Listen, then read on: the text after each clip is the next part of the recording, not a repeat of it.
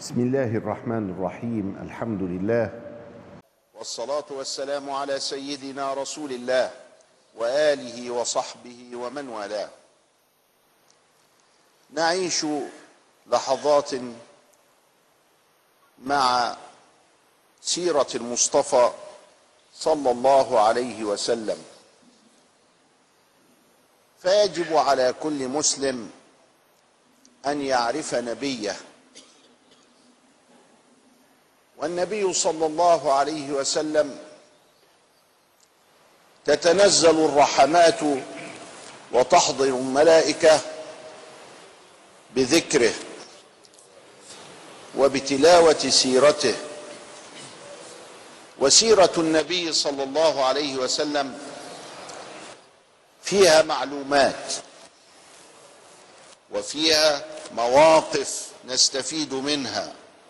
ونأخذ منها الأحكام فيما سمي بفقه السيرة. وفيها مناهج للتفكير وللتعامل مع الأشياء ومع الأشخاص ومع الأحداث ومع الأفكار. افتقدنا كثيرا الاستفادة من المناهج النبوية في السيرة الشريفة. ثم افتقدنا بعد ذلك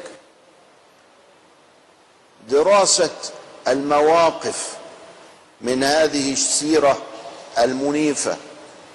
ثم افتقدنا بعد ذلك المعلومات.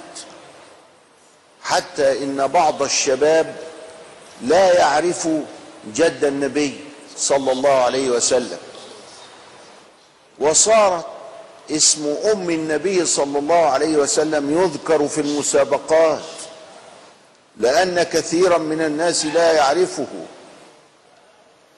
وهذا أمر يقدح في الاستفادة من المواقف ويقدح فوق ذلك في الاستفادة من المناهج. فتخرج السيرة من الحسبان. وحتى نعيدها إلى واقع الناس فعلينا أن نعلمهم المعلومات وعلينا أن نعلمهم المواقف وكيفية الاستفادة منها وعلينا أن نعلمهم المناهج وكيفية التلبس بها واستعمالها. فأول شيء المعلومات. فلا تستهن بتعليم ابنك ومن حولك المعلومات. ولا تستهن في نشر تلك المعلومات بين الناس باعتبار أنها مسلمات. كنا ندرس كل ذلك في السنين الأولى في التعليم. ثم أخذ يخبو ويخبو حتى صار سرابا أو وهما. فإنا لله وإنا إليه راجعون. والعود الصحيح هو بالتعليم والتعلم. فالتعليم والتعلم أساس كل نهضة وأساس كل انطلاق. فالسؤال من نبيك؟ صلى الله عليه وسلم. والإجابة نجلس سويا نتذاكر حاله صلى الله عليه وسلم. نص العلماء على أنه إذا أطلقت كلمة سيدنا فإنها تنصرف إلى سيدنا محمد صلى الله عليه وسلم. ولذلك إذا قلنا سيدنا فإننا نعني به المصطفى المجتبى صلى الله عليه وسلم. وسوف نستعملها. حتى لا ندعوه كدعاء بعضنا بعضا. حتى لا تحبط أعمالنا. بل نناديه بما يستحق. فهو سيدنا وتاج رؤوسنا وجوهر نفوسنا. نعاله فوق رؤوسنا. صلى الله عليه وسلم. وهو بابنا إلى الله. ولا باب سوى وهو الذي بسنته تحيا وتسعد في الدارين في الدنيا والآخرة. حب النبي صلى الله عليه وسلم فرض لازم لازم. والله لا تؤمن حتى أكون أحب إليك من أهلك ومالك وولدك. قال أنت أحب إلي من كل ذلك إلا نفسك قال ونفسك قال حتى نفسي يا رسول الله. حب النبي هو المعيار الذي يقاس به الإيمان من عدمه. ولذلك يجب علينا أن نتعرف بدقة من ناحية المعلومات من ناحية المواقف من ناحية المناهج على سيدنا النبي. من هو؟ هو محمد ابن عبد الله ابن عبد المطلب ابن هاشم ابن عبد مناف. هذه الخمسة نذكرها النهاردة. بعد كده بقى إيه؟ نفصل الكلام.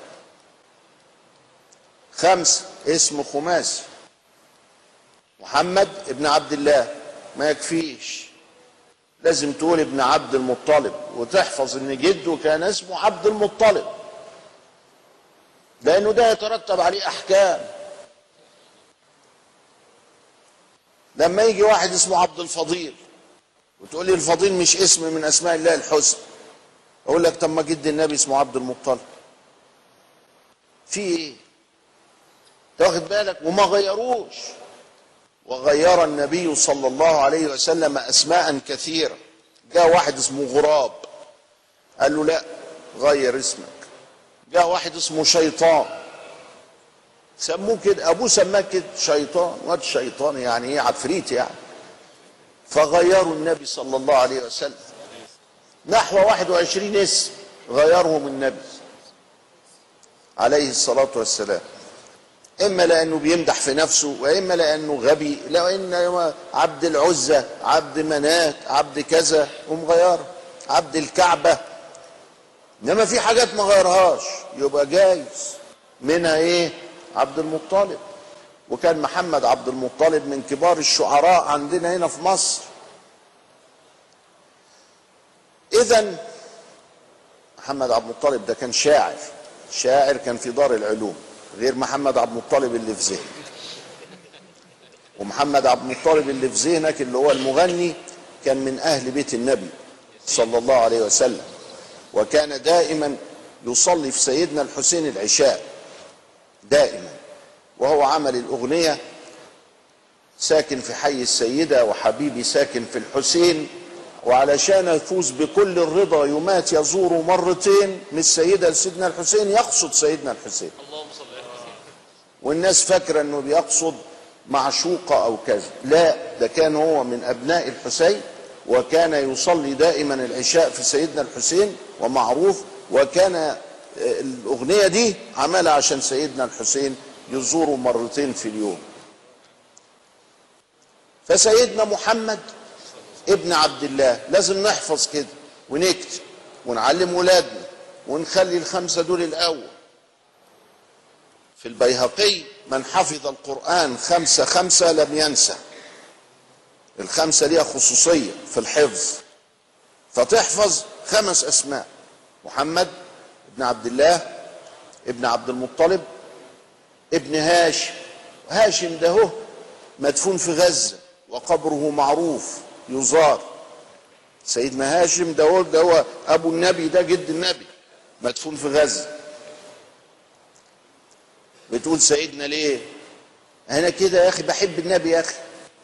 وكل آباؤه من أهل الفترة وهم ناجون. ناجون. قال ولدت من نكاح ولم أولد من سفاح ولم يمسسني سفاح الجاهلية الأولى. طب هنعمل إيه؟ سيدنا النبي ربنا أكرمه وقال فأنا خيار من خيار من خيار. هنعمل إيه طيب؟ لازم. نتكلم بكده. هن... هنقل أدبنا يعني؟ فهاشم عملوا له قبة وعملوا له كذا إلى آخره ويزار هناك محمد ابن عبد الله ابن عبد المطلب ابن هاشم ابن عبد مناف برضه أهو عبد مناف. فاذا أدي خمسة نحفظه. طيب وأمه عليها السلام. أمه اسمها السيدة الطاهرة الشريفة آمنة بنت وهب. آمنة بنت وهب. السيدة آمنة بنت وهب كانت وحيدة أبوها وأمها. وحيدة أبوها وأمها. يعني لا ليها أخ ولا ليها أخت. معلومة اهي ما ده لازم تكسر من المعلومات وتتصور وتعرفه تمام زي واحد من عيلتك أكتر كمان. يعني تبحث في الحكاية زي ما تكون عيلتك أنت نفسها بس أكتر. يمكن عيلتك ما تهتمش بيها لكن ده تهتم لأنه عليه كل الدنيا والحضارة والوضع وقوتنا ووجودنا هو كله ده هو متلخص في سيدنا النبي.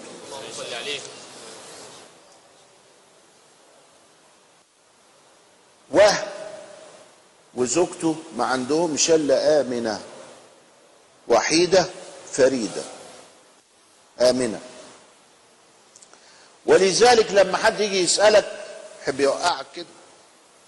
ويقول لك هو خال النبي اسمه إيه؟ خال النبي اسمه إيه؟ تقول له النبي ملوش خال. دي آمنة عليها السلام كانت وحيدة فريدة كده. يبقى الحتة دي تاخدوا بالكم منها. فيجي يحب يعكسك ويقول لك الله. ده ربنا بيقول وبنات خالك يبقى ملوش خال إزاي؟ قالوا لا دول بنو زهرة. القبيلة بتاعتهم. مش ولاد خاله لازم لأنه ملوش خال. ولا ولاد خالته لازم لأنه ملوش خال. أمال إيه الآية دي؟ الآية دي في بني زهرة. يعني كل اللي جاي من جهة أمك. السيدة آمنة عليها السلام. معلومات. وتخلي المعلومات دي تخليك واعي. تبقى عارف راسك من رجليك. يبقى استفدنا النهارده إن سيدنا النبي ولد من عبد الله ابن عبد المطلب ابن هاشم ابن عبد مناف ومن السيدة آمنة بنت وهب ابن عبد مناف ابن زر. بس عبد مناف ده ما هوش عبد مناف ده ما هوش هو. ده واحد تاني. ولذلك أنا وقفت عند دي علشان ما نتلخبطش. ده واحد تاني اسمه عبد مناف. عبد مناف كان كتير. فده غير ده. السيدة آمنة تلتقي مع سيدنا في أو تلتقي مع أبيه عبد الله في كلاب ابن مرة فوق شوية كده. أحد الأجداد البعاد يعني. لكن إحنا دلوقتي فين؟ إحنا دلوقتي في آمنة بنت وهب. آمنة ملهاش أخ ولا أخت. تزوجت السيد عبد الله وحملت منه وقالت عندما حملت رأيت نورا يخرج مني إلى بصرى. بصرى دي مدينة في الشام أول مدينة في الشام لما تخرج من جزيرة العرب. مدينة اسمها بصرى. الغريب العجيب بقى السيدة قالت كده بقى من زمان حتى قبل النبي ما ما ينبأ. أن الإسلام دخل أول ما دخل في الشام في بصرة. إيه ده؟ ما هو كله دي تأييد من ربان. واحدة شافت منام شافت حاجة شافت حال. ورأت نور منها خرج وذهب إلى مدينة اسمها بصرة. ماشي. ويمكن هم عارفين بصرة من إيه؟ رحلتي الشتاء والصيف. ماشي ما يجراش حاجة. اشمعنى بصرة؟ عشان أول مدينة طب افرض لكن بقى يجي لك في التاريخ إن بصرة هي أول مدينة دخلها الإسلام. أول مدينة دخلها الإسلام. مات عبد الله وعبد الله ده كان ليه قصة. إن هو أبوه ندر إنه يذبحه زي قصة سيدنا إسماعيل. وبعدين قالوا له لا ده أنت ممكن تتخلص من الندر ده بعشرة إبل عشرين إبل بقت مئة إبل. فدفعهم. كان غني. عبد المطلب. فسمي النبي بابن الذبيحين. الذبيحين الذي اللذين لم يذبحا. إسماعيل ونجا بإذن الله وفدي وعبد الله ونجا وفدي يبقى ابن الذبيحين يعني باعتبار ما قد سيكون. لأنهم لم يذبح إنما ابن الاثنين اللي اتفدوا طيب. جه بقى ميعاد الميلاد الشريف. لما جه ميعاد الميلاد الشريف السيدة آمنة جنب الكعبة كده في حتة دلوقتي والعياذ بالله حولوها إلى مكتبة. ما أعرفش مكتبة إيه لكنها هي مولد النبي معروفة عند أهل مكة. مولد النبي. على بعد مرمى البصر من عند المروة. في البيت ده كان في بيت هناك وبالليل جالها الطلق بالليل. معاها مين؟ معاها أم أيمن بركه واحدة كانت عبدة. أم أيمن بركه دي هترضع النبي بعد كده. هت هتشيله هتهننه. هت... هتبقى هي الدادة بتاعته. أم أيمن بركه وجوزها أسامة بن زيد بعد كده. ام ايمن بركة. حبشية. تشيل المية وتعمل مش عارف إيه وكده يعني بإيه؟ عافية. الحبشان كانوا عندهم عافية كده وقوة في الخدمة وفي إنهم يشيلوا ال- المسألة. وحضرت الشفاء. أم سيدنا عبد الرحمن بن عوف بعد كده بقى. يعني الشفاء دي هي اللي خلفت مين؟ سيدنا عبد الرحمن بن عوف. حواري الأمة.